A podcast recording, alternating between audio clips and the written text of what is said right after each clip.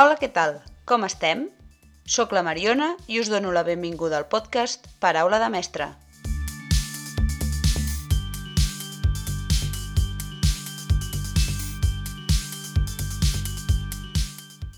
Aquest episodi és la primera part de l'entrevista amb la Núria Monfolleda.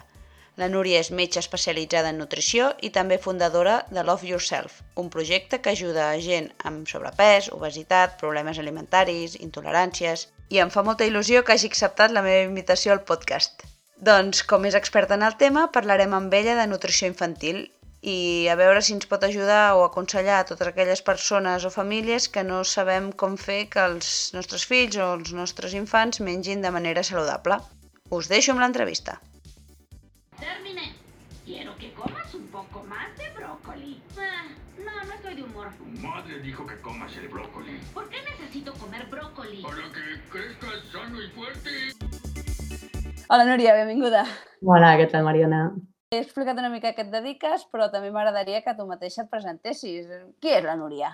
Bueno, doncs la Núria és la Núria, és de 3 anys, estic casada i tinc un fill adoptat de 6 anys. Eh, I jo, doncs, de formació, soc metgessa, tot i que he treballat en molts àmbits diferents. He treballat des de la investigació fins a la cooperació. No? Ara sí que és veritat que fa sis anys que vaig fundar, com tu has ben dit, ben, ben dit a Love Yourself, el projecte que, juntament amb el meu marit, doncs, intentem ensenyar a la gent a menjar bé, no? I intentem fer-ho eh, adaptant-nos doncs, a les necessitats de cada persona, els gustos, els graus d'expertesa culinària, perquè no tothom en sap o vol cuinar, no? Els llocs preferits de la compra, el nivell econòmic, bueno, tots aquests factors que fan que cadascú doncs, menja diferent i ens hem d'adaptar a cada persona. Llavors, la meva formació doncs, és això, nutrició i fitness, a part de medicina és nutrició i fitness, no? un centre que es diu ANEF, tot i que bàsicament tota la meva formació ha sigut més autoaprenentatge, llegir, buscar, comparar, provar, dubtar, experimentar, criticar una miqueta tot i d'aquí al final doncs, n'he tret el, que, el meu projecte personal. No? Molt bé. Uh, bueno, també dir-vos que la Núria, bueno, com ha dit, té, té un fill, per tant també en, entén moltes famílies pel que passen i pel que, es, pel que poden passar i el que es poden trobar a casa en el, en el dia a dia. Per tant, jo crec que aquest punt de, de mare també és molt, molt important i molt interessant. És veritat que el meu fill és miqueta diferent a la resta, és a dir, és un nen que menja moltíssim, pot menjar cada 30-40 minuts, menja independentment de l'hora i menja totalment a l'atzar, es pot menjar un iogurt i després una anxova i després un tros de formatge, llavors un tros d'espinacs i llavors quatre, saps? Vull dir, ja dic, tinc la sort que menja quasi de tot, per no dir que de tot, però també és veritat que menja molt caòticament, és una cosa que he d'intentar millorar i no puc, vull dir que no sempre és fàcil. Clar, sí, tot té el positiu i el negatiu. Sí, sí. Sí, sí. Molt bé, doncs abans de res, abans de posar-nos en el tema de com mengen els nens, eh, voldria que ens aclarissis una mica el concepte de la piràmide d'alimentació, perquè sempre des de petits, almenys jo quan era petita m'explicaven, no? Pues molts cereals, molta verdura i després, pues, i, però sembla que està una mica en dubte. Bueno, en dubte, depèn de cadascú. Cadascú pot dubtar o no de la informació que hi ha a internet. No? La idea és que jo crec que és bastant despropòsit. Més que perquè, clar, primer hem de pensar que és una piràmide que es va publicar el 2004. Del 2004 fins ara ha plogut molt. Val? La va publicar la Societat Espanyola de Nutrició Comunitària i el problema és, per mi, en quatre punts. Primer és que recomana molts cereals refinats a diari, no? Pa, pa blanc, pa de motlla, eh, pasta, que ha de pensar que això ve adaptat dels Estats Units, en època en què hi havia molt sobrecreixement de blat i va voler intentar potenciar-se que es pogués comprar el blat, fer blat, fer pa, fer farina, no? i que la gent consumís una miqueta més aquest tipus de cereals, que s'ha vist que ara doncs, ja en consumim massa, no és necessari i ens porten a una, a una addicció i una obesitat. No? Llavors, també és important que, per mi, posa en un segon pla tot el que són les, les verdures i les fruites, no? quan aquest hauria de ser la base més important de menjar. Llavors, eh, aquest passa a ser com un segon punt, menys important que el primer, i no ha de ser així, ja que les verdures i les fruites doncs, ens aporten doncs, uh, molts nutrients que ens ofereix, ens ofereix doncs, ajudar-nos en la prevenció de malalties o, o de trastorns, des de trastorns intestinals com una diabetes. No? També és veritat que és una piràmide que abans incorporava l'alcohol com una recomanació fins i tot diària, encara que fos en moderada quantitat. No? Llavors, clar, això evidentment és una cosa que ja se sap avui en dia que no hauria de ser així. La copeta de vi, no? Clar, la copeta de vi, clar.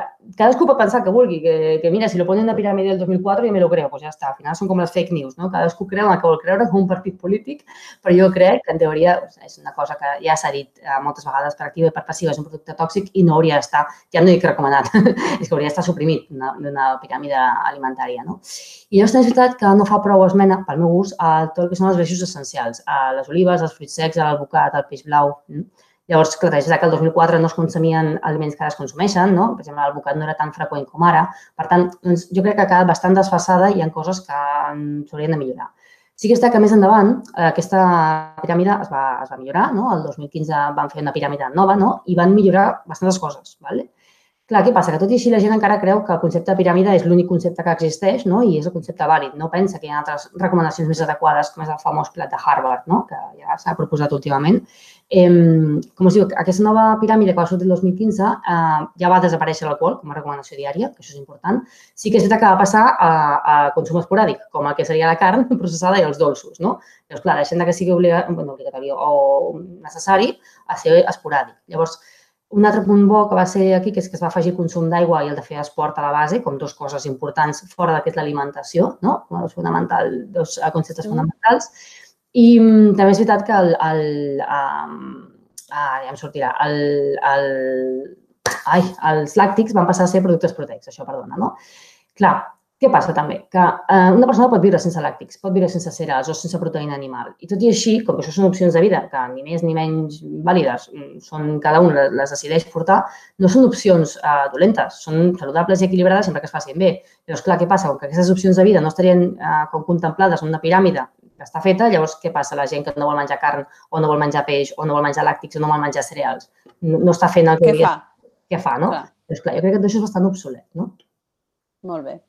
Doncs, eh, bueno, crec que ens has aclarit una mica aquest punt. Llavors, eh, eh, una mica quina seria la clau, així molt genèrica, eh? no, no ens posarem en, en detalls, però molt genèrica d'una bona base alimentària que algú o qualsevol, un nen o un adult, hauria de, de tenir. Cal menjar cinc, per exemple, cinc vegades al dia? No, cal menjar, no, cal menjar, mm, jo crec en, en teoria quan tinguem gana, sí que és que si intentem menjar menys porcions, dic, perdona, més vegades al dia i menys porció, eh, regulem millor el sucre, no té per què ser 5, poden ser 8, poden ser 3, depèn també de cada un l'horari que tingui de feina, no? Hi ha gent que treballa unes hores de matí, fa una migdiada, torna a treballar unes hores de nit, o no tothom fa el mateix horari. Llavors, bueno, jo crec que les vegades que un cregui necessàries sempre quan les calories siguin les adequades pel nostre organisme. No? Llavors, què hauríem de fer? Jo crec que el més important és comprar tot allò que ens surti directament del mar, de la terra, d'un animal o d'un arbre. No? que pot ser un tros de lluç, una patata, un tros de pernil, no sé, un préssec, val? Són coses que trobem als mercats normalment, que no als supermercats. Allò que trobem als supermercats són ser més doncs, magdalenes, pans de molla, pastissos, gelats, no? Llavors, quan tu vas al mercat, tens tot el que la terra et dona, totes les verdures, no? tot el que els arbres et donen, totes les fruites, tot el que el mar et pot donar o els animals et poden donar, no? Això seria el bàsic, tot el que ve directament derivat d'aquestes quatre fonts primàries, no? Llavors, clar, què passa? Que també seria interessant intentar menjar aproximadament les calories que ens pertoquen, no? Això és el que hauríem de fer, independentment de si és una vegada al dia o cinc, o avui no tinc tanta gana, o avui tinc molta feina i ho he de concentrar en dos àpats, no? Què passa? Que la gent eh, creu normalment que menja menys del que realment menja i que necessita més del que realment necessita. Llavors, és difícil, no? També pensa a vegades que no, res, mira, surto a caminar una miqueta i ja, ja em compensa menjar-me el croissant de la tarda, no? Que no és així. Llavors, ah. que a vegades mengem més del que ens toca, no? O creiem que ens toca menys del que realment ens tocaria, no? També és que s'hauria de menjar bastant variat i en proporcions adequades, que és el que diu tothom. Però, clar, menjar variat, clar, menjar variat no vol dir que en aquest menjar variat inclogui pastís de xocolata, salami, botifarra, paté o nocilla o croquetes. Això per mi no és menjar variat. Menjar variat és menjar de totes les fruites que hi ha, de totes les verdures que hi ha, no? de tots de tots els, peixos que hi ha. No? I amb el tema de les proporcions també tenim un problema, perquè a vegades ens pensem que res, tres o quatre branquetes de bròquil és molta quantitat i quatre galetes no ho és, quan hauria de ser al revés, no? quatre galetes és molta quantitat i quatre branquetes de bròquil no ho és. Llavors, clar, eh, ens costa a vegades pensar en les proporcions adequades i en el que vol dir realment variat, no? Però clar, si fem la, la idea de que s'ha de ser variat i en proporció adequada, doncs, si intentem pensar en menjar saludable, segurament pensarem en menjar més verdura i més varietat de verdura amb una quantitat més important i més gran de la que solem menjar normalment, no? Clar, o sigui, si hem d'abusar d'alguna cosa, verdures i fruites, sobretot. Fruites, llegums, proteïnes, greixos saludables, cacauets, mengem cacauets, saps? Vull dir, això sí. I llavors, de tant en tant, fer algun extra. Jo dic que no, jo també faig algun extra. És, és lògic. Primera, perquè el menjar palatable, greixós i asquerosillo, per dir-ho així, i el qual ens agrada a tots i, i no podem viure totalment fora d'aquest món, no? Vull dir, a més que trobem restaurants per tot arreu i a vegades cuinar a casa quan no en sabem no, no li donem el toc o el gust que pot fer-te un cuiner, no? Que et fa alguna cosa. Llavors, clar, és que aquests extras no és el mateix anar a menjar a un restaurant japonès que anar a menjar, a menjar uns, no sé, una xocolata amb xurros i nata, no? Dintre que siguin extras, no és el mateix una cosa que l'altra. Molt bé.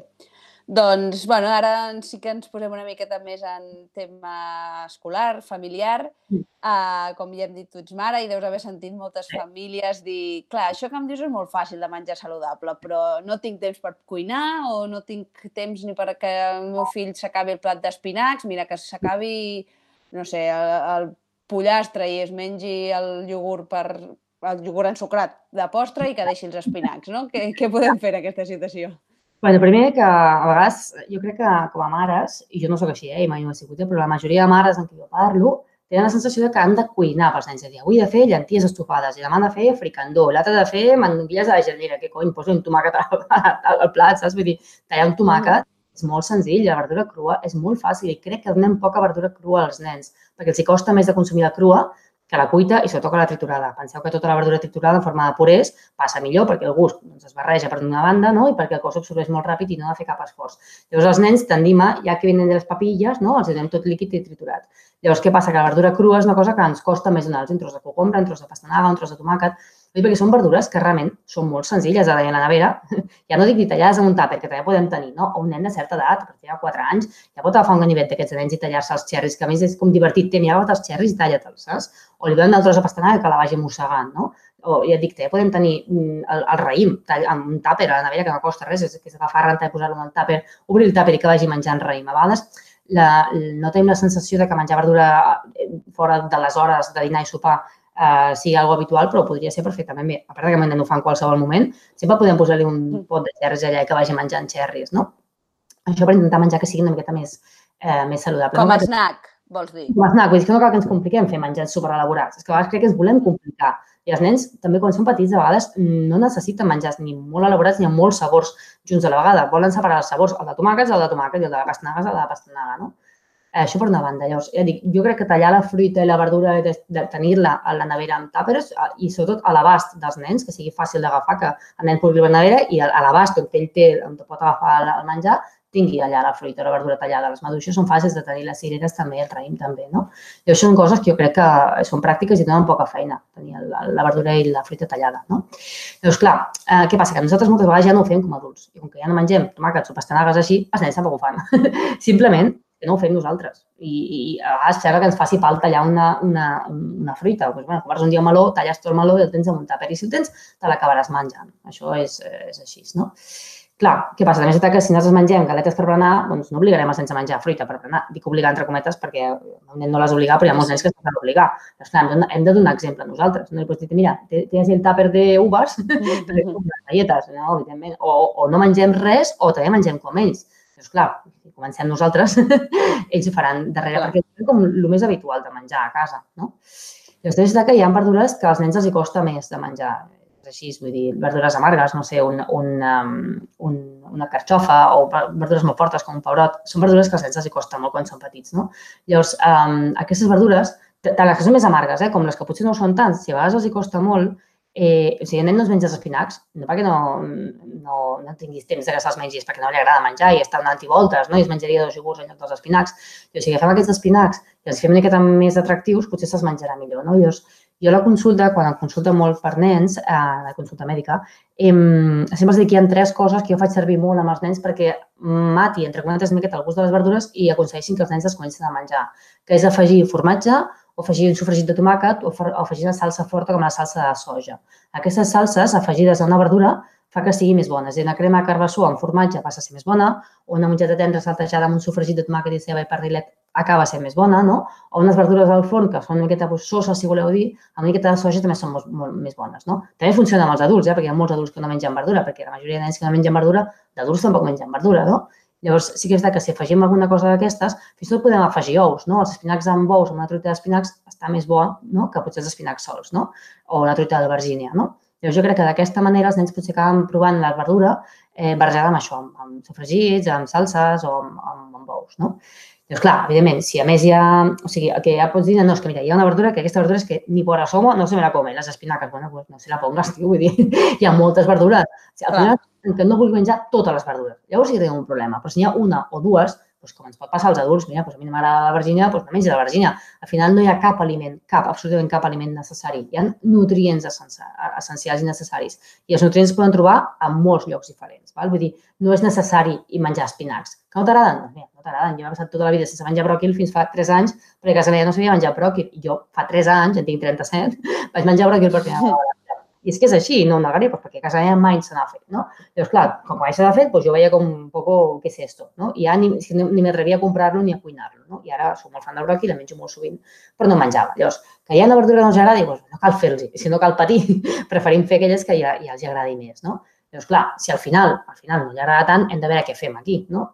Llavors, a vegades el que acostumo a dir jo als pares és, bueno, deixem escollir una miqueta els nens entre dues o tres verdures que els agradin així mig-mig, quina volen menjar el dia següent. No? Mira, demà, què prefereixes que faci? Faig una crema carbassó, faig, no sé, un tomàquet amb, no sé, amb, amb oli i olives o fem, no sé, un bròquil amb, amb pastanaga, no? Què prefereixes d'aquestes tres? Llavors, quan el nen decideix, no li pots dir què, què vols, així, a grosso modo, que et dirà, pues, sí, una cosa potser raríssima que en la vida has cuinat, no? Però si dones dues o tres opcions que el nen senti aquesta llibertat el que pot escollir, en teoria l'endemà tu li has dit, mira, tu m'has demanat ahir que fes això, jo t'ho he fet per tu, no? Has de valorar una miqueta l'esforç que he fet de fer-te això que tu m'has demanat, no? Llavors, d'alguna manera se sentirà una miqueta més obligat a menjar-s'ho si tu ja estàs dient que ho has fet perquè ell t'ho ha demanat, no? I si no s'ho menja, jo molt fàcil, eh? Jo a la nevera i l'endemà torno a tenir el mateix plat. Això ho tinc claríssim. El client, el meu fill, eh, no, no s'ho menja avui, s'ho menjarà demà i no passa absolutament res. I si no, el tercer dia.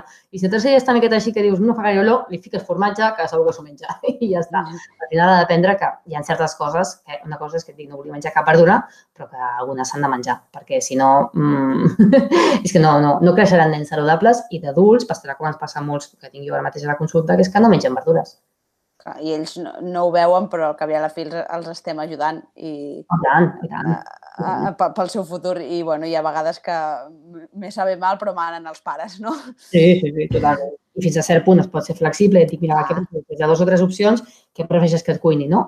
Ara, fora d'aquí, és una d'aquestes tres has, has de decidir. Escolleix la que vulguis, però una d'aquestes tres ha de ser, no? Sí, sí. Molt bé. No, no, doncs molts bons trucs que, que segur que, que poden anar molt bé. Fins aquí la primera part de l'entrevista. Al proper episodi seguirem aprenent de la Núria i descobrirem quines petites accions podem començar a aplicar per millorar la nostra alimentació i, de retruc i més important, la dels més petits. Si voleu fer-hi una ullada, us deixo amb l'enllaç de la pàgina web del seu projecte Love Yourself. Fins la propera! Abraçada!